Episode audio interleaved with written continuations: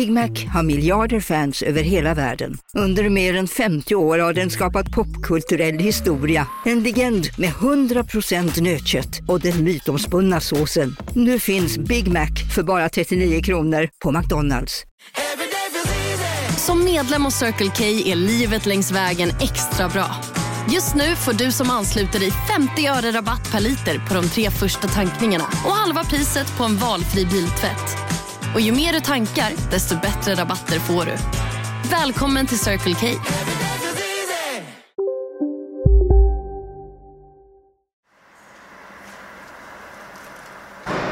Oktober 2021. Jag står i ett stort garage i Solna. I rader står vita bilar med tonade rutor. Det är kriminalvårdens transporter. Från den här knutpunkten startar alla transporter av häktade i Stockholm. Och här kommer någon tillbaka ja, från... Det kommer en kollega som har eh, varit ute på uppdrag. Jag är här med Anders Ekblom som jobbar på Kriminalvårdens nationella transportenhet. Han jobbar med att transportera häktade personer. Ibland har han suttit på andra sidan glaset i säkerhetssalen när han övervakar de tilltalade i rättegångar jag följt under hösten. Det har väl blivit väldigt många stora mål Framförallt genom den här eh, enkrobevisningen och så vidare. Det är väl det som är, är den stora skillnaden. Liksom att eh, målen med, eh, som behöver vara i säkerhetssalen har blivit så mycket fler än vad det har varit tidigare. I veckans avsnitt av Säkerhetssalen. Man kan ju inte sitta och sova, det ska man ju inte göra. Efter en våldsam incident under en rättegång så undersöker anmälningarna om hot och våld vid domstolarna. En av de tilltalade gick till angrepp mot en annan under rättegången om mordet på Årstabron. Hur kunde det hända? Utifrån de utformningar som domstolarna har så finns det nästan allt utrymme att ge någon en snyting. Och sen avslutas rättegången om Årstabron. Nu väntar domen. Skjutningarna som numera sker i den här kontexten sker för att döda. Det här är Säkerhetssalen. Kriminalvårdens logistiska infarkt. Säkerhetssalen är en produktion som görs tillsammans med dokumentärappen Nådio. Ladda ner den i App Store eller Google Play. Jag heter Lova Nyqvist Sköld.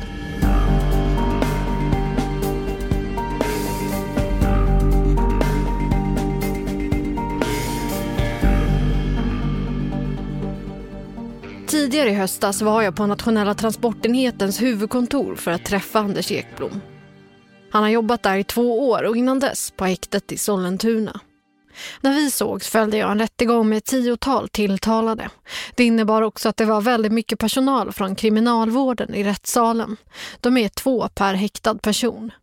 Det är väl väldigt ovanligt att säkerheten blir, blir, hotad. Det som kan vara det är ju mer störningar från kanske åhörare på åhörarbänken. Kanske en klient som försöker kommunicera med någon eh, medåtalad eller åhörare, sådana grejer. Så att det är väl mer på den nivån än att det blir eh, eh utåtagerande i övrigt. Men jag menar, man, man måste vara förberedd på det och, och veta att det kan hända. Det är därför man måste vara alert och eh, med på noterna hela tiden. Han berättade då att det var väldigt högt tryck på jobbet. De stora och långa rättegångarna har blivit en del av vardagen. Jag vet inte hur många mål det är som pågår samtidigt i säkerhetssalarna men det är väldigt många och det är väldigt resurskrävande. Jag menar, är de eh, tio tilltalade och så är det ju liksom två, tre kriminalvårdare på varje klient och det är koordinatorer och liksom det blir väldigt eh, mycket personal som går åt. Så det blir ju stort. Det, ibland ser man ju att det är vissa som sitter och sluter ögonen. Mm. Det kan väl hända att folk sluter ögonen. Men jag menar fortfarande så har man ju alltså fokus på vad som händer. Man har ju fortfarande hörseln kvar. Men eh, ja, jag vet inte. Man kan väl blunda till liksom och bara vila och gå in i sig själv en stund. Jag vet inte riktigt jag ska svara på det. Har det hänt dig? Att du liksom... Att jag slutar ögonen? Ja, det har jag väl gjort, absolut. Men det är ju som jag säger, man, fortfarande så är det ju liksom fokus på vad som händer. Så att jag menar, man, man kan ju inte sitta och sova, det ska man ju inte göra. det funkar ju inte. Utan eh, fortfarande måste man hela tiden ha fokus på vad som händer. Anders Ekblom och hans kollegor på Kriminalvårdens nationella transportenhet har flera uppgifter när de förflyttar häktade personer till och från rättegångarna. De ska bland annat se till att tilltalade inte har kontakt med varandra eller åhörare och såklart upprätthålla säkerheten inne i salen.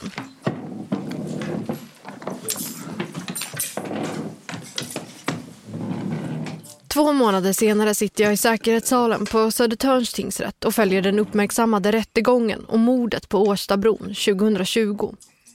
De tre tilltalade, alla häktade med restriktioner, sitter i rättssalen. En av dem är en 28-åring som enligt åklagaren har lurat mordoffret till platsen. En annan, 30 år gammal, är utpekad ledarfigur i ett kriminellt nätverk och misstänkt för att ha beställt mordet.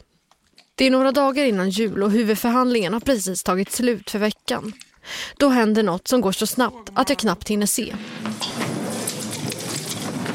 28-åringen slänger sig mot 30-åringen. Jag hinner inte se om några slag delas ut. Inom loppet av några sekunder har personalen från kriminalvården fått ner 28-åringen mot golvet. 30-åringen förs till en annan sida av lokalen. Efter den här händelsen ringde upp försvarsadvokat Filip Rudin som försvarar en av de tilltalade i målet. Ja, nej, men man får väl säga så här, de, de, eh, efter att det hade hänt så, så skapade de ju eh, väldigt snabbt en, en kontrollsituation, det måste jag göra. Eh, man kanske kan uttrycka lite förvåning kring det är väl att eh, om det nu är 20 personer som sitter i en som har till uppgift att, att ja, övervaka säkerheten kan man kanske fråga sig varför det kunde hända överhuvudtaget de, de sitter precis i anslutning till de tilltalade. Och, eh, ja, jag vet inte om fokuset var, var fullt påslaget helt enkelt. Men, men eh, jag har inget belägg för att det inte skulle vara det. Men, men eh, det är lite förvånande måste jag säga att det, att, det, att det kunde ske. De som har ansvaret över säkerheten i den här situationen är utöver ordningsvakterna kriminalvårdens personal. Mer specifikt anställda vid nationella transportenheten, MTE. Jag vill veta vad de tänker om den här händelsen. Men det visar sig att de ser flera mera långtgående problem än ett bråk i en rättssal. Om någon bestämmer sig för att ge någon annan en snyting och sitter inom armlängds avstånd då är det ju då är det liksom inte mycket till reaktionsavstånd där vi får kunna hantera det. Det här är Magnus Brusbäck. Jag är sektionschef för Kriminalvårdens nationella transportorganisation i Stockholm. I hela landet körs årligen i runda slängar 70 000 transporter av NTE. Ungefär 20 000 av dem sker i Magnus Brusbäcks del av myndigheten, alltså i Stockholm. Tittar man på det övergripande så har vi ungefär en händelse med inslag av hot och våld på ungefär tusen transporter som vi genomför. Så det är ju ändå väldigt liten omfattning. Här pratar vi om specifikt hot och våld. En vanligt förekommande plats det äger rum är i trafiken. Det kan handla om att kriminalvårdens bil tvingas gira när en annan bil gör en farlig omkörning samtidigt som en passagerare hänger ut genom fönstret och gör en mantelrörelse med handen. Alltså som om de gjorde ett vapen skjutredo. Den totala mängden incidentrapporter är högre. De senaste åren har snittet legat på runt tusen per år och är stadigt ökande. Med den siffran räknas alltså alla rapporterade händelser in. Allt från däck som punkterats på en parkeringsplats till transportrelaterade rymningsförsök som för övrigt bara var ett under 2021. Om vi kollar på statistiken från Sveriges alla domstolar är det något fler incidenter där under 2021 än föregående år. Under förra året rapporterades bland annat 177 ordningsstörningar, 120 hot, 55 hot om självmord, åtta bombhot och totalt sex incidenter om våld. Totalt 734 händelser. I fallet med Årstabron så greps exempelvis ett antal personer i anslutning till rättssalen efter bråk på åhörarplatsen första rättegångsdagen. Erika Hemtke är domare vid Södertörns tingsrätt. Hon var ordförande i ett annat fall jag följde under hösten. När jag intervjuade henne sa hon att hon inte hade varit med om så mycket stök men har ibland behövt vidta åtgärder för att behålla ordningen i rättssalen. Det händer ju med jämna mellanrum att någon, man får sätta någon i ett medhörningsrum där de liksom får följa rättegången på distans. Eh, ja, kan de inte hålla tyst så får man väl se till att deras mikrofoner är av. Men det är ju svårt naturligtvis när de själva ska höras. Där finns ju en gräns. Men att man får köra ut folk om de inte kan behärska sig in i rättssalen, det händer ibland. Men gör man bara det så är den ordningsstörningen oftast över. Domare som kriminalvårdare har metoder för att deeskalera situationer. Under utbildningen för att jobba med transport av häktade lär sig personalen hur de som första steg ska prata med personerna. Men för tillfällen när det inte räcker har de också praktiska utbildningar i hur de ska använda en batong. Det kan handla om att man, man drar batongen i, eh, i, alltså i mer defensivt syfte helt enkelt för att markera då till klienten då att man har, man har tagit fram ett skarpare verktyg så att säga och det är klart att det är ondare att få ett batongslag än vad det är att bli, eh, att bli nedlagd liksom genom greppteknik. Magnus Brusbäck säger att i de specifika incidenterna om hot och våld så hinner oftast inte gå så långt som det gjorde in i Årstabron-rättegången. De gångerna det går överstyr så där som det gjorde exempelvis som det där exemplet när två intagna rök ihop och började slåss in i, i, i rättssalen. De händelserna är ju väldigt, väldigt få. Det händer kanske några gånger per år liksom. Utifrån känns det ju märkligt. En av Sveriges säkraste platser en rättssal byggd för att kunna hantera mål där det finns en hotbild. Och två personer från kriminalvården med uppgift att hålla koll på varje enskild häktad. Magnus Brusbäck säger att det finns olika anledningar till att en händelse som den här kan äga rum. Ofta handlar det om avståndet mellan åtalade. De kan sitta vid samma bord med bara en advokat mellan sig. Det här korta avståndet lämnar väldigt liten tid för kriminalvården att hinna gå emellan, säger Magnus Brusbäck. Sen säger han att det finns en mänsklig faktor i det här. I och med de många och långa dagarna inne i rättssalen är det svårt att hålla 100% fokus hela tiden. Sitter man i en rättegång i, i kanske 20 dagar och sen så har det varit lugnt de 10 första dagarna. och Man har suttit där i ett antal heldagar slentrian och, och vana och, och, man vänjer sig vid att nej, men det har gått bra hittills. Men rätt som det är så är det någon som uh, har en dålig dag eller något som har framkommit som, uh, ja och då händer det väldigt snabbt. Och då är det ju, eh, ja då får man reagera så snabbt det går helt enkelt. Men så länge domstolarna är utformade på det här sättet så kommer det aldrig gå att undvika helt och hållet enligt min uppfattning. Enligt honom så hanterade personalen som förväntat i den här situationen. Våld kommer alltid kunna ske inne i rättssalen. Men det finns något annat som också ställer till problem just nu för kriminalvården. En sak som får konsekvenser för rättegångarna. Säkerhetssalen görs tillsammans med Nodio. Det är en reklamfri app för dokumentärer. Rykande färsk från poddpressen kan du nu hitta Piratdrottningen. En berättelse om den excentriska programledaren Britt Wadner som via en liten fiskebåt på internationellt vatten sände piratradio till ett Sverige med mediemonopol. Myndigheterna var inte glada och kallade henne för ett hot mot demokratin. Lyssna exklusivt i appen Nådio. Du kan ladda ner den i App Store eller Google Play. Använd koden SALEN för en gratis månad.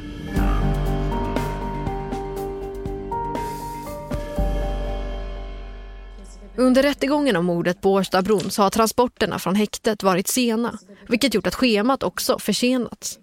En morgon när förhandlingen skulle dra igång lite tidigare än vanligt var det tomt på tilltalade i rättssalen. De är på väg. De är på väg. Det är det enda beskedet de kan Ja, ni hörde kanske. De är på väg, det är det enda beskedet.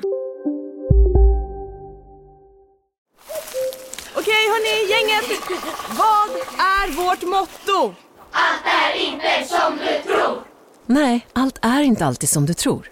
Nu täcker vårt nät 99,3 procent av Sveriges befolkning baserat på röstteckning och folkbokföringsadress. Ta reda på mer på 3.se eller i din 3-butik. Hej, Synoptik här.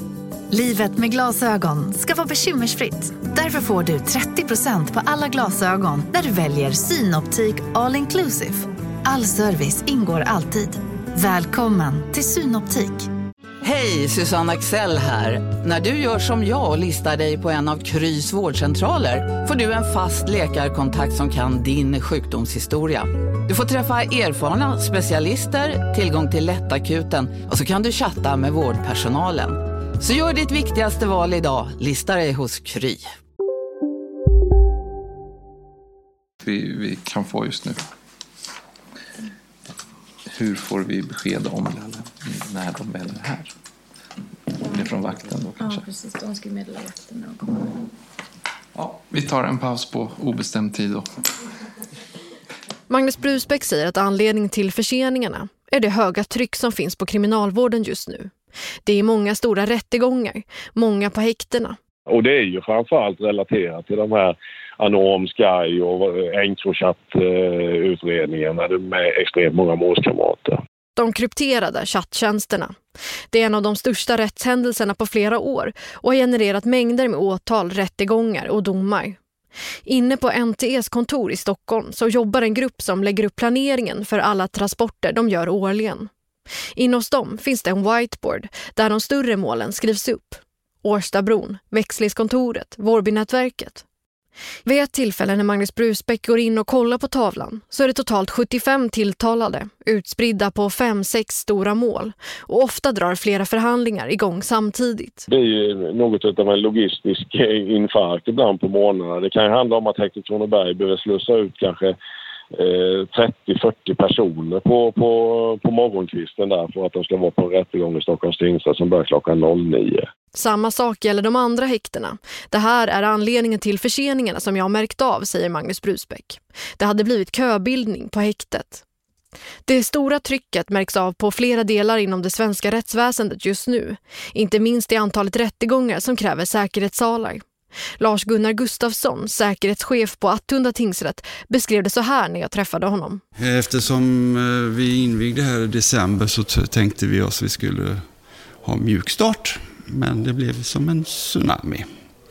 Polisen har ju producerat en hel del utredningar som kräver hög säkerhet. Så att, ja, det har varit mycket.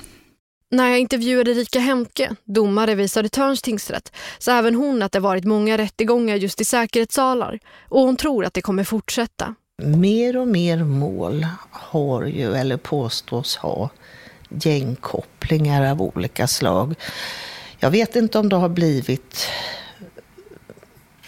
mer att det verkligen är så eller mer att man har ögonen på det på ett annat sätt nu.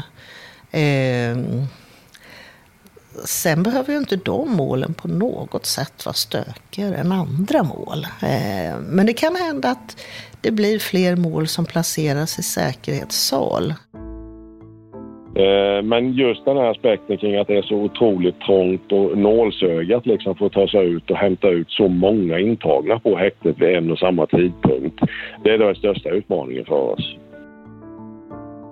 Kriminalvården är den enda myndighet som ansvarar för att få häktade på plats. Men situationen har gjort att de behövt kontakta andra myndigheter för att hitta en lösning, säger Magnus Brusbäck. Vi hade ett möte med alla domstolarna i Stockholm eh, på vårt initiativ här i december där vi då framförde synpunkter just kring de här delarna. Att vi, vi, vi ser att de behöver ha lite mer differentierade starttider på domstolsförhandlingarna. Någon förhandling får börja klockan halv nio, någon börjar klockan nio och någon kanske börjar kvart över nio och, och liknande för att försöka komma åt det här logistiska bekymret. Så kriminalvårdens förklaring, en logistisk infarkt, myndighetsgemensamma möten och brist på personal. Under större delen av 2021 behövde NTE hyra in folk från vaktbolag för att klara av alla sina transporter. De är nu ungefär 200 anställda på Stockholmsavdelningen. Förra året nyanställde de 45 personer. I år planerar de att utöka med ytterligare 60 för att kunna möta behovet som finns. Men med kurser och träning så kommer det ta tid innan det här ger effekt, enligt Magnus Brusbäck. Ja, man kan säga rent krasst är det väl ungefär ett halvår innan en medarbetare står klar och, och, och röstar och kan sättas ut på, på uppdrag. Samtidigt som antalet rättegångar framöver troligtvis inte kommer bli färre.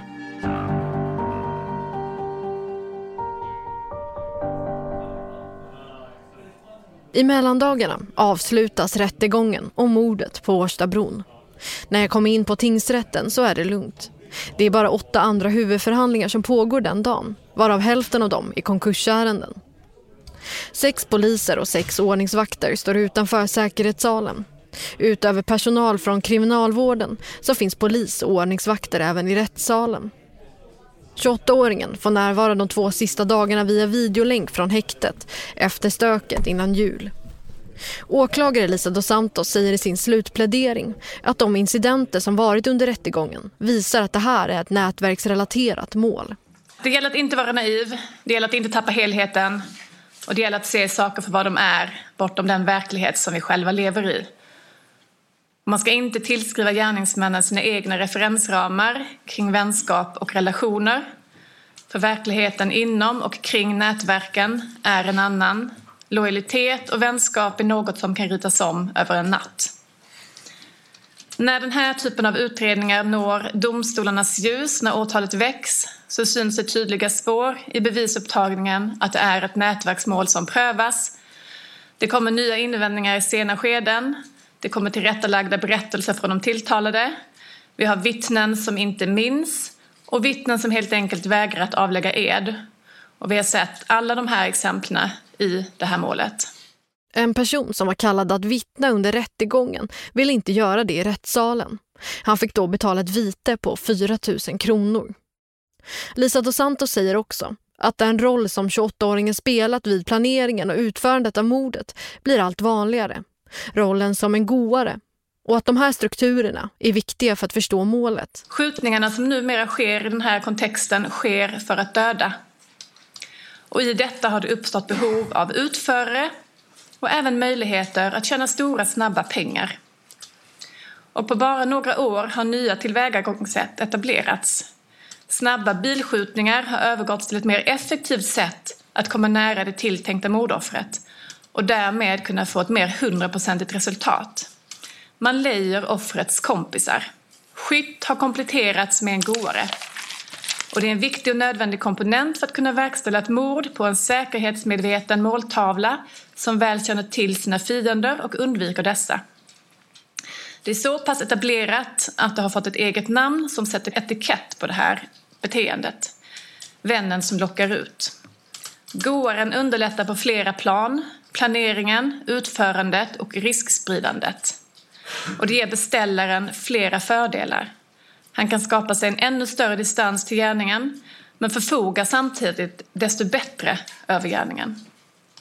Och detta har då kommit att bli möjligt i en mörk parallell verklighet där det existerar vålds och skrämselkapital, vapen, krypterade telefoner, pengar och en farlig blandning av stark och bristande lojalitet.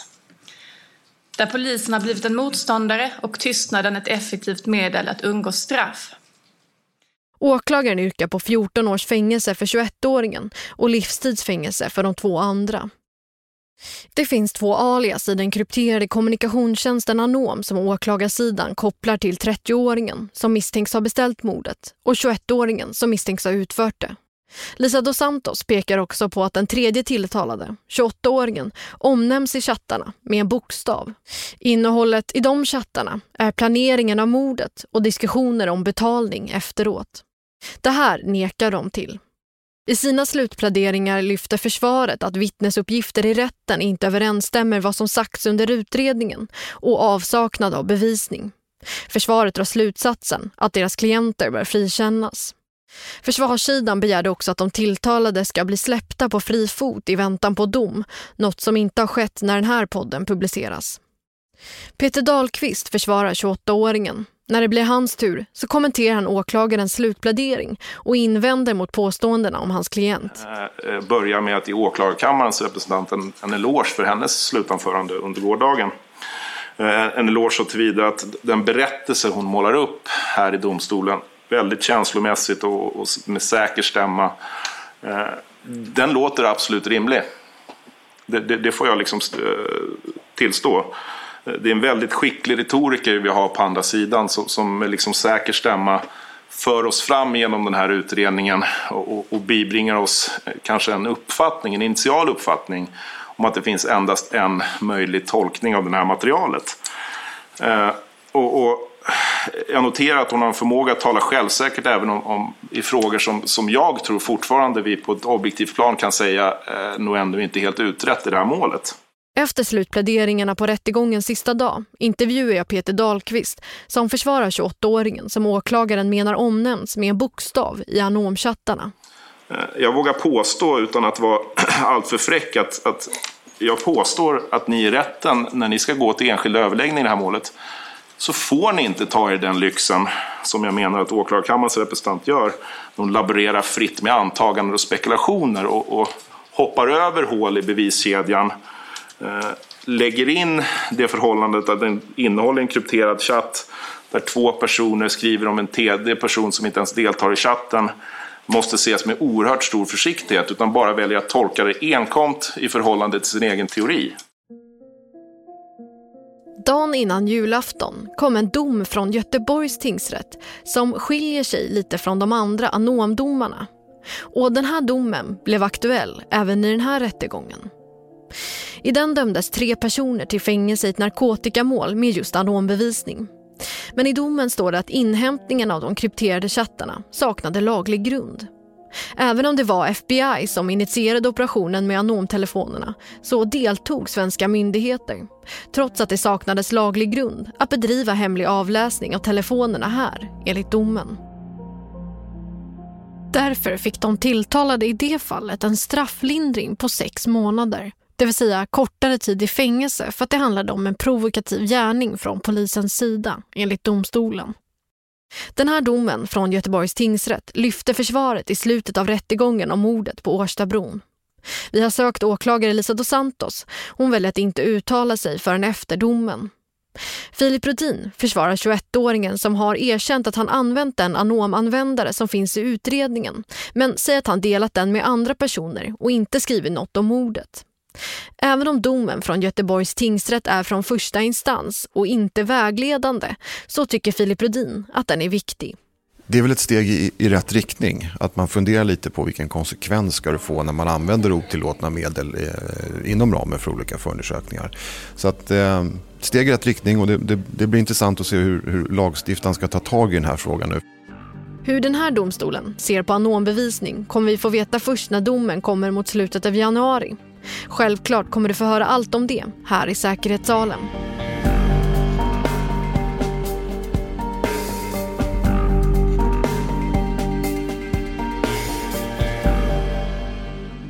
Du har hört ett avsnitt av Säkerhetssalen, en produktion för Nådio av tredje statsmakten Media. Vill du prata om det du har hört här idag med andra lyssnare? Gå in på Facebook och följ Säkerhetssalen efter snack. Producent är Anton Vretander, ljudtekniker Johan Hörnqvist och ansvarig utgivare är Mark Malmström Fast. Jag heter Lova Nyqvist Sköld.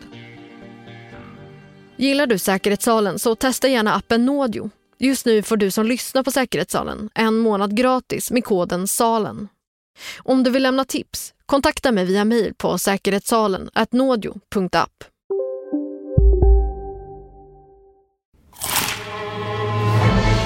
Upptäck det vackra ljudet av McCrispy Company för endast 89 kronor. En riktigt krispig upplevelse. För ett ännu godare McDonalds.